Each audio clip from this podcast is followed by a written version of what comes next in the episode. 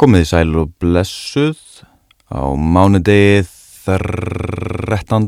apríl. Reyndar þetta tekið upp uh, kvöldið 12. apríl. Smá svindl. En við höldum að hafa lestri á Árbókferðarfélags Ísland frá 1945, skrifið á Guðmundi Kjartansinni og viðfásefnið er Heklakorki meira nefnina.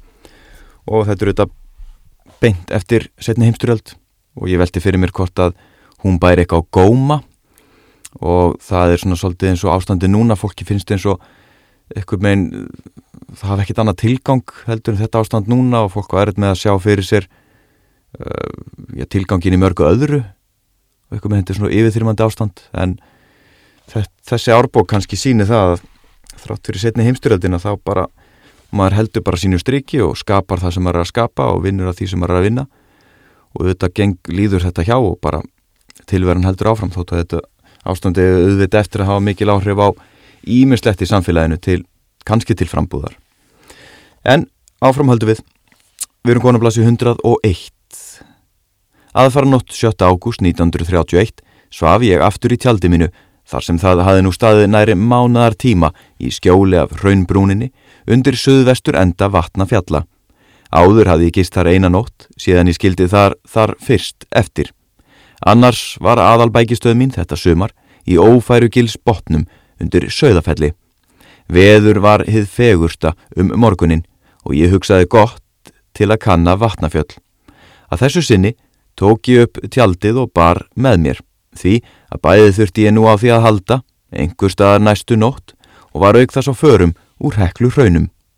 Fyrst gekk ég austur á gráfell en þaðan inn eftir vatnafjöllum og rakti hæstu hryggi þeirra langleðin einað breyðaskarði, beigði þar þvert til norðvesturs ofan af fjöllunum og tjaldaði snemma um kvöldið innan við austasta horn háarhunns. Gráfell er lítill Móbergs kollur, 474 metra yfir sjámáli og um 150 metra yfir jafnslettu. Í framhaldi af rana þeim er lengst skagar söður úr vatnafjöllum. Ranin er einni úr Móbergi. Austan hans og felsins hefur langvíu hraun runni fram en lítil kvíslur því falli ofan slakkan á milli þeirra. Áður en megin hraun flóðið var full storknað hefur það lækkað svo að nú hallar nokkuð austur af slakkanum og hraun kvíslin virðist þar í fljótu bræði hafa runnið upp á móti. Fram með rananum inn af gráfelli likur gil með lækjar sitru sem sjaldan eða aldrei mun þorna og skilur hann frá kollóttu Móbergs felli næri kringlóttu 571 meter yfir sjáarmáli. Þessar fremstu hæðir vatnafjalla hafaða sumra áliti upphaflega einar heitið vatnafjöll.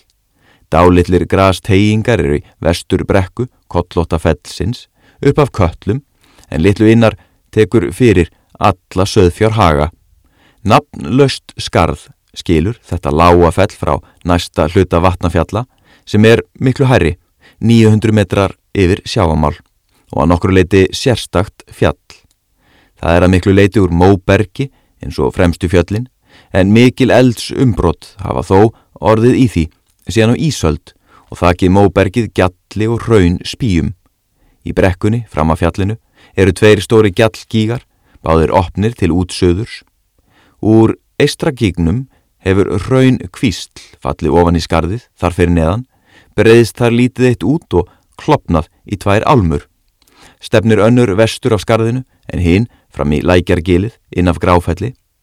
Kvorug nær niður á japslettu, sjálf fjálsbrúnin sem er á Móbergi, gengur fram í nýpu upp af eistra gígnum og er hún einna kvassasta og svipmesta leiti vatnanfjalla til að sjá úr vestri. En frá þeirri hlið eru fjöllin yfirleitt kollót. Fjallskollurn er ílangur í land norður stefnu en breyður og óslettur. Þar skiptast á Móbergs hnjótar og rauð eldvörp. Grunnur slakki, likurinn þvert fjallið. Í honum hefur allu upp dálitið hraun og fossað út af til begja hliða. Östurbrún fjallsins er brött með rauðum gjallhömrum innan til og þegar kemur inn fyrir hraun söðulinn virðist fjalli allt úr gjalli niður á rótum. Þar skagar hár múli 840 metri yfir sjámál, austur úr því og er hann raunar aðeins barmur á geysistórum fornlegum kík sem er opinn til söðurs. Skamt framundan minni hans stendur bratt en naflust Móbergs fell upp úr raununum, austan fjallana. Á eldri útgáfu herfóringja ráðskortana er það ránglega nefnt Gráfell 751 metrar yfir sjáumál. Stökkum minn aðeins fram, þetta er mjög ídali lýsing á landslæðinu sem hann fer um. Ég ætla að hérna grípa niður í bara þegar hann fer í svona personleiri frásögn, dagbókar svona frásögnin. Sól var enn hátt á lofti og veður, hið blíðasta, er ég gekk norðvestur af vatnafjöllum til að leita mér að nætur stað. Á þeirri leið gekk ég yfir spór mín frá 9. júli í hérum beil 800 metra hæð yfir sjó. Spórin sáu staðins á hæstu vikra rimum því að annar staðar hafði ég gengið á snjó. Nú voru aðeins fannir í lautum og slökkum. Af því hvar spór mín hurfu við þær þóttist ég sjá að bránað hefði fyllilega metra þygt lag ofan á snjónum síðan ég var þar á ferð fyrir 28 dögum. Ég tjaldaði á slettri vikurum öl í djúbu viki sem skerst inn á milli frambrúna háarhönns og nýlega hönnsins, sennilega frá 1766 til 68, þar fyrir innan. Þar er gott skjól fyrir öllum veðrum nema af austri og vassból var þar ágætt. Neðri rönd næsta snjóskaps var krab kent eftir sólbráð dagsins Um kvöldið skrapp ég laus gangandi úr tjálstað, austur í háu eldvörpin, 1028 metrar yfir sjáarmál, upp af mundafells hálsi. Ég hafði aldrei gengið á þau áður og nú voru síðustu forföð að skoða þau. En áður ég kemist alla leið, setti snöglega yfir svarta þóku og litlu síðar tók auk þess að rökkva af nóttu. Eins og áður er getið, blasið hundrað, eru upptök raunsins í breyðaskarði í þessum eldvörpum. Mér leik ekki síst hugur á að skoða þau, en hitti ekki á þau í þokunni, heldur kom ég að upptökum annarar raun kvíslar sem ég átti ekki von á. Hún kemur upp norðvestan undir hæstan hnúk eldvarpana og fellur austuraf, en síðan norður og norðvestur og kemur saman við nýja raun undir kraka tindi. Næst upptökunum síndist mér raun þetta geysilega úvið, með trötslegum draungum og gínandi gjám Ég naut sínarinnar en tók varlega mark á því sem fyrir mig bara í dimverinu. Í slíku veðri getur hver hraun hnjótur orðið ferlegast að kynja mynd. Niða þoka hjálsten er ég kom aftur í tjálstað og laðist til söpts. En veðrið var myllt og född mín voru þurr. Morgun eftir hjaðnaði öll þoka fyrir rýsandi sól og allur sá dagur varð jafn heiður og fagur sem minn fyrri. En þá var nestið á þrótum og ég varði að komast í byggð. Ég gekk upp heklu að austan, hjælt fram eftir henni og ofan að næfur holdi. Og við förum á blaðsju 118 og lesum þaðan. Allarleið frá stóra gignum hjá hátindi inn í skarðið millir heklu og rauðkembinga er lega heklugjár glögt mörguð eftir hákampi fjálsins af nær óslitinni geil. Sumstaðar er geilin tvöföld eða jafnvel þreföld og raun rimar millir kvíslana. Víðast er hún aðeins grundæld með hjarn botni en sumstaðar er raunveruleg gjá með kletta vekkjum. Þessi innri helmingur fjálsryggjarins er að mest úr rauni en ekki úr lausir gósmöl eins og fremrikablin. Raunnið hefur ollið þarna upp úr heklu gjá og fossað ofan hlýðarnar, begja vegna. Það er mjög fröðkent og sundur tætt. Sumstaðar allsett þraungum og djúpum gjám eða broti niður í stórgrítis urð. Gangfæri er þarna afleitt á öðru jörð en svo vel vill til að víðast má rekja fannir eftir geilum og gjám. Svo kvistl hraunsins er fallið hefur, austur af fjálsrygnum, stefnir í all mikilli breyðu á mundafell og er naflaus. En hinn sem fjalli í gagstað átt er upphaf af ringlanda hrauni sem fyrir var getið og næri fremur mjóum ströymi allarleið ofan að norður bjöllum. Framar í þessari bók Blæsju 67-69 hefur verið bent á sterkari líkur fyrir því að bæði þessi raun hafi runnið úr heklugósunu mikla 1766-68. Raunnið virðist að var runnið nokkuð jamt upp úr sprungunni á laungum kabla en ekki úr neinum sérstökum gígum. Eginleikar gígskálar með gjallkömbum í kringaru hvergi í heklu, innar en hjá hátindi, nema telja skuli gjá eina eða mjög ílangan gíg í hérumbil þúsundbendra hæð yfir sjó, utan í fjalls hlýðinni í vestur frá aukslinni. Gjáð þessi er greinlega gós op en likur þó drjúan spöl til hliðar við aðalsprunguna. Barmar hennar eru nokkuð upp orpnir, gjallkendir og rauðir. Þegar ég kom að henni fyrsta sinni 1930 var hún hálfull af snjó en í sömar var snjórin miklu minni og gjáinn síndist dýbri. Eftir 1768 hefur heklu gjá gósið aðeins einu sinni, 1845. Í því gósi verðist hún líkt hafa rutt úr sér fyrir innan stóra gíin hjá hátindi en þó er svo að sjá af lýsingu skæts á ummerkjum eftir gósið að gjáinn hafi opnast lengra inn eftir fjallskampinum. Hér hefur Hárik Heklu verið líst nokkuð eins og hann er nú og hefur verið síðust áratögi. En ekki er að ef að á liðnum öldum hefur hann hvað eftir annað tekið all verulegum breytingum. Í gósonum hefur heklu gjá opnast í ymsum stöðum og fylst í öðrum, en tindar og kampar ímist hlaðist upp eða tæst í sundur. Enn er gósonum slotar, fylla skígar og gjár af hrunu úr börmónum og einni milli gósa má ætla að hinn losarlega hlæðsla síi saman að þunga sínum. Enn fremur eru stormar, vandvirkir og hinnum lausu brunamelum heklu. Þeir rýf upp vikur og gjall, sljóka tindana og fylla gjárnar.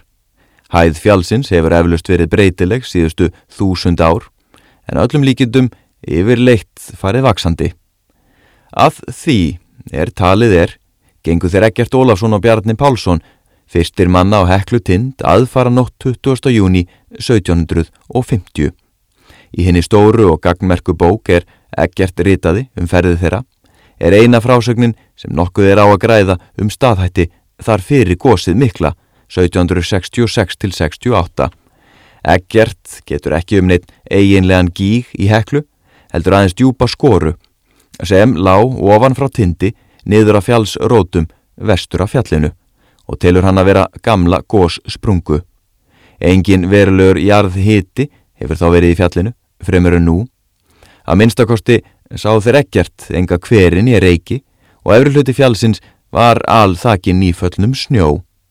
En næstu áratugi eftir gósið, sem hóst 1766, gengur nokkri útlendir ferðamenn á Heklu og auk þeirra Sveitin Pálsson sem kom þar tvísvar, 1793 og 97. Eftir fyrirferðina lýsir Sveitn svo hátindi fjallsins að hann sé langur og þunnur röðull á vestur barmi svelgs, eins mikils eða gjár. En í síðari ferðinni sá hann þrjátinda og voru tveir hinn er fremri jafn háir en hinn nyrsti lægstur. Gíg skál var í hverjum tindi að því er virtist eftir gósi 1766 og hinn fjörða, ellilegri á milli fremstu tindana. Hæð fjálsins mældist sveini með loftvokk um 100 metra meiri en hún reyndist er dönsku mælinga mennirnir mældu hana 1907. Þar sem mæling Sveins Pálssonar er í all góðu samrami við aðra mælingar gerðar á tímabilinu millir tvekja síðustu gósár Heklu 1766 og 1845 er sennilegt að Hekla hafi lækkað síðan hann mældi hana. 1797 voru gígarnir í tveimur fremstu tindunum ekki með öllu kulnaðir eftir gósið sem hófst fullum 30 árum áður og laði enn volga gufu úr börmum þeirra. Jóð sé skæð gekk tvísar á Heklu sem er 1846 fyrst 25. júni en síðar annan september réttu ári eftir að síðasta gós hennar hófst. Í Heklu bók hans er all nákvæm lýsing á ummerkjum eftir gósið á fjallshrygnum á samt korti af honum. Þótt gósinu væri þá slotað og Hekla hafi aldrei gósið síðan, hafa samt orðið þar verulegar breytingar síðustu hundrað ár. Skæð lýsir fimm gígum upp á Heklu en tveir voru stærstir og þeir einir eru þar nú eftir. Hinnir þrýr voru þjætt saman í röð á framhaldi gós sprungunar til suðvesturs frá fremra stórakignum. Nú er ekki annað eftir af þeim en gjall kampurinn sem fyrir var getið og geilin söðaustan við hann fram úr stórakignum. Stökkum aðeins fram. Það mun nokkuð algeng skoðun meðal þeirra sem næstir búa heklu á landi og rángarvöllum að vottur af jarðhitta sé enn í kollið hennar mun gjáinn sem fyrir var sagt frá, millifannarinnar og bergveggjarins, norðvestur af hátindi, hafa styrt menni þeirri skoðun og enn fremur hefur mönnum vist til síndar sem snjór bránaði eitthvað grunnsamlega af tindunum. En eins og þegar hefur bent á er gjáin engin sönnun fyrir jarðhitta og ekki fæ ég betur séð, að minnstakost ekki úr fjarska, en það sé fullu samrami við landslægið hvar snjó tekur fyrst upp af tindunum á sumrin. Sumurinn 1930 og 31 leitaði ég all rækilega að jarðhitta í heklutindum og gígonum á milli þeirra og sannfærist um að þar væri engin ylur. Nítján sinnum gekki á fjallið þessi sumur og hildist nokkuð til að vera þar uppi í nýföllnum snjó og kanna mölina með hitamali þar sem snjóin tæki fyrst upp. En mælirinn reyndist óþarfur. Hvar sem ég gróf til var örgrund á klakka. Oftar en einu sinni hefur verið stattur á heklutindi, aldripnum þunnu snjó lægi, svo hverki sá í dökkan díl, nema þar sem snjórin tóldi ekki fyrir bratta.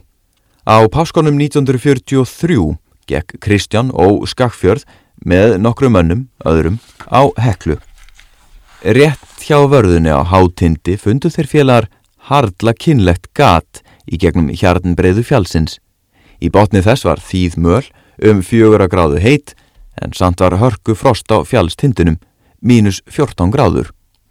Ég frétti ekki að ferðin þeirra skakfjörðs nýja þessum ummerkjum sem þeir sáu í snjónum á heklu fyrir næri tveimur árum síðar. Mér þóttu þetta mikil tíðindi og bjóst við að nú var ég hekla tekin að volna að nýju.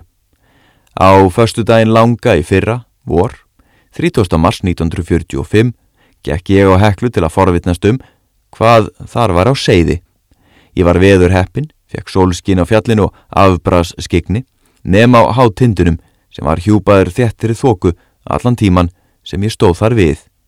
All hvers stormur af suðaustri með vægu frosti en miklum skafrenningi stóð þvert á fjallsekkina, áviðurs var harfennu og halka en í hverju vari ófærð af lausa mjöll. Þegar uppkom á heklu öxt var fjallið albrinjað, snjó og klaka. Jáfnvel raundrángar og gígvekkir voru svo sílaðir af klaka að bókstala hverki sá stein. Ekki sá ég neyn merki þess að hekla brætti af sér snjóin fyrr en ég kom upp á hátind. En þar fann ég þrjú lítil gött niður í gegnum hjarnið á að kiska 50 metra suðvestur frá vörðunni. Þau lágu í röð með sömu stefnu og gígbrúnin, hér um byl öst-norðaustur og vest-suðvestur og, að því er mér virtist, tæft fram með á henni, en brúnin sást ekki vegna fannarinnar í gígnum.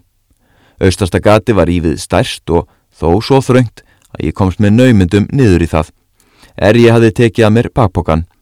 Í botni var sléttur melur, 160 cm undir hjarn skörinni. Þegar ég krefti mig niður kom ég inn í ískvelvingu. Hún var í laung, hæst og breyðust hjá gatinu sem ég kom niður um, en þaðan gekk rángali sem skrýðamátt eftir yfir í aðra kvelvingu minni undir næsta gati. Þarna var ég þá komin í ágætis sælu hús sem ég átti enga vona á upp á heklu tindi. Mölin í golfinu var þýð svo langt niður sem ég gæti reki stafið minn og þá eflust áfram niður röllu valdi á mjóu belti sem stemdi milligatana á kvelvingunum. Niðri í henni, í hérum bil, 25 cm dýpi, var 5 gráðu hitti. Lofthitti þarna niðri var 3 gráður en jafnmargra stega frost úti í skafreiningnum.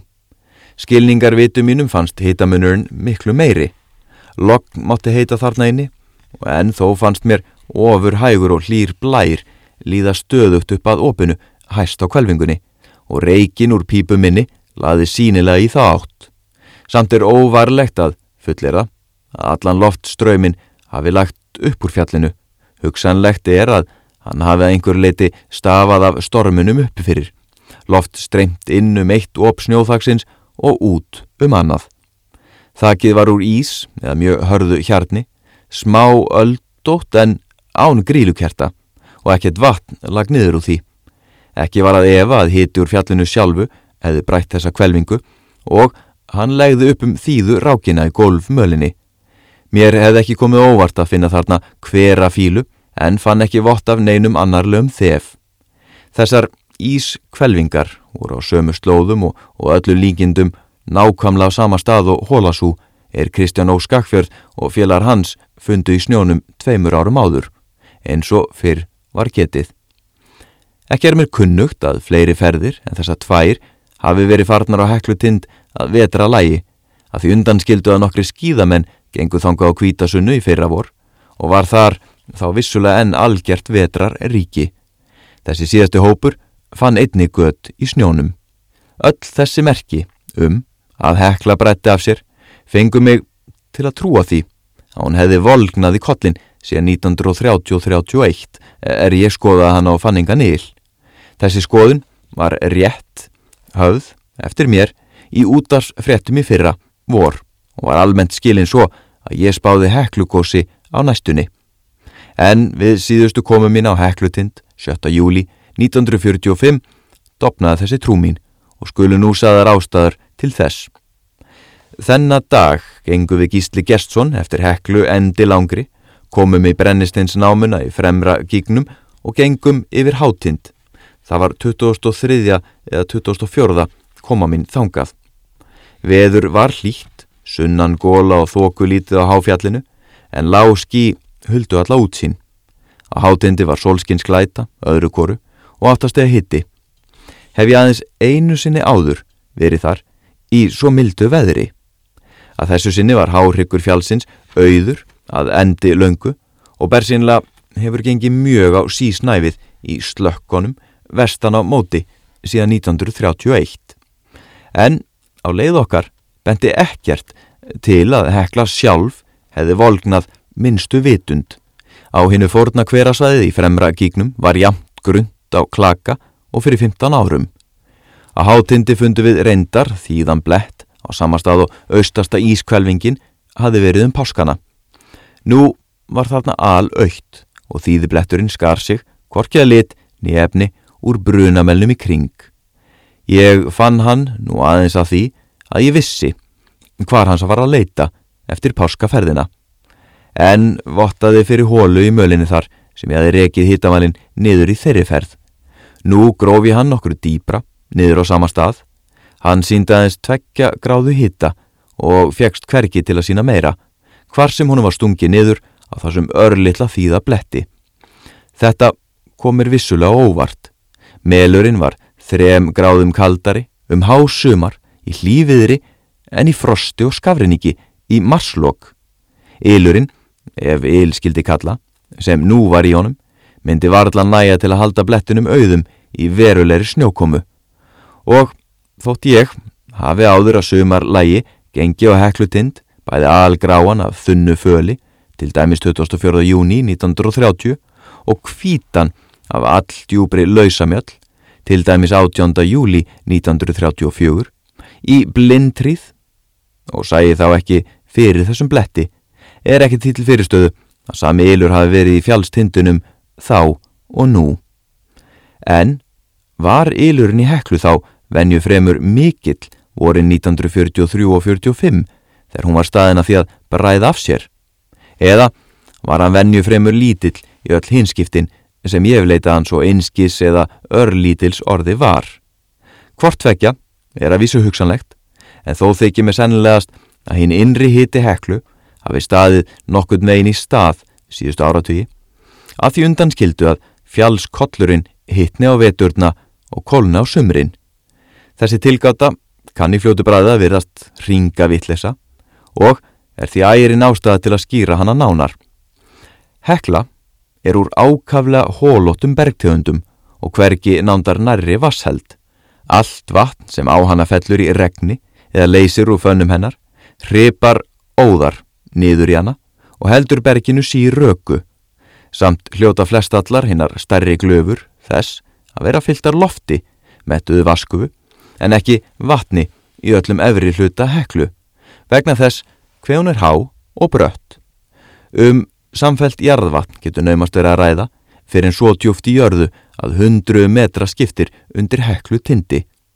Hita orkan sem leggur neðan úr jarðskorpunni, þaðan sem elgósin eiga upptöksín, eigðist í það tvent að hita upp jarðvatnið og breyta því í gufu. Því minnaf henni lítur að komast upp úr fjallinu sem vassrensli niður í það er meira og vatni kaldara. Nú lítur þetta vassrensli að vera mjög lítið á veturna, líklega sama sem ekki neitt. Þá er nærri öll úrkoman á fjallinu snjór og hann leggst í órópna breyðu um það allt. Þó stökusinnum, bloti í honum í hlákum, er þess tæplega að vænta að nokkurt vatn sígur niður í fjallið. Mjöllin drekkur það í sig og er það frís aftur, verður hún að hjarni eða klaka brinju. Líkt fer um það vatn sem jarðilurinn kann að bræða úr botlaði djúbra fanna. Það mun einnig að mestu sógast upp í snjóin. Á sumrin gegnir öðru máli. Þegar í fyrstu vor hlýjendum verður snjórin gegn drepa af leysingavatni og regni. Það vatn er síðar bætist við, hlýtur að síga niður í berg og þetta heldur áfram allt sumarið uns snjóaleggur á fjallið að nýju höstið eftir. Á heklu sígur úrkoma heils árs í jörð á öðru misserinu, sumrinu. Þó auðvitað því undan skildu sem uppgufar en það með líti brot. Kallt er þetta vatn, mestu hluti runnin úr snjó og því við frostmark, en hitt yfirleitt farrastega heitt regnvatn sem falli hefur á auða, mela og kletta að álinnu sumri. Að þessu aðtuguðu verist ekki óæðilegt að vassrenslið kæli heklu að nokkrum mun það missirið sem þess gætir, en velferni þermóðskan að vera heitari vetur en sumar.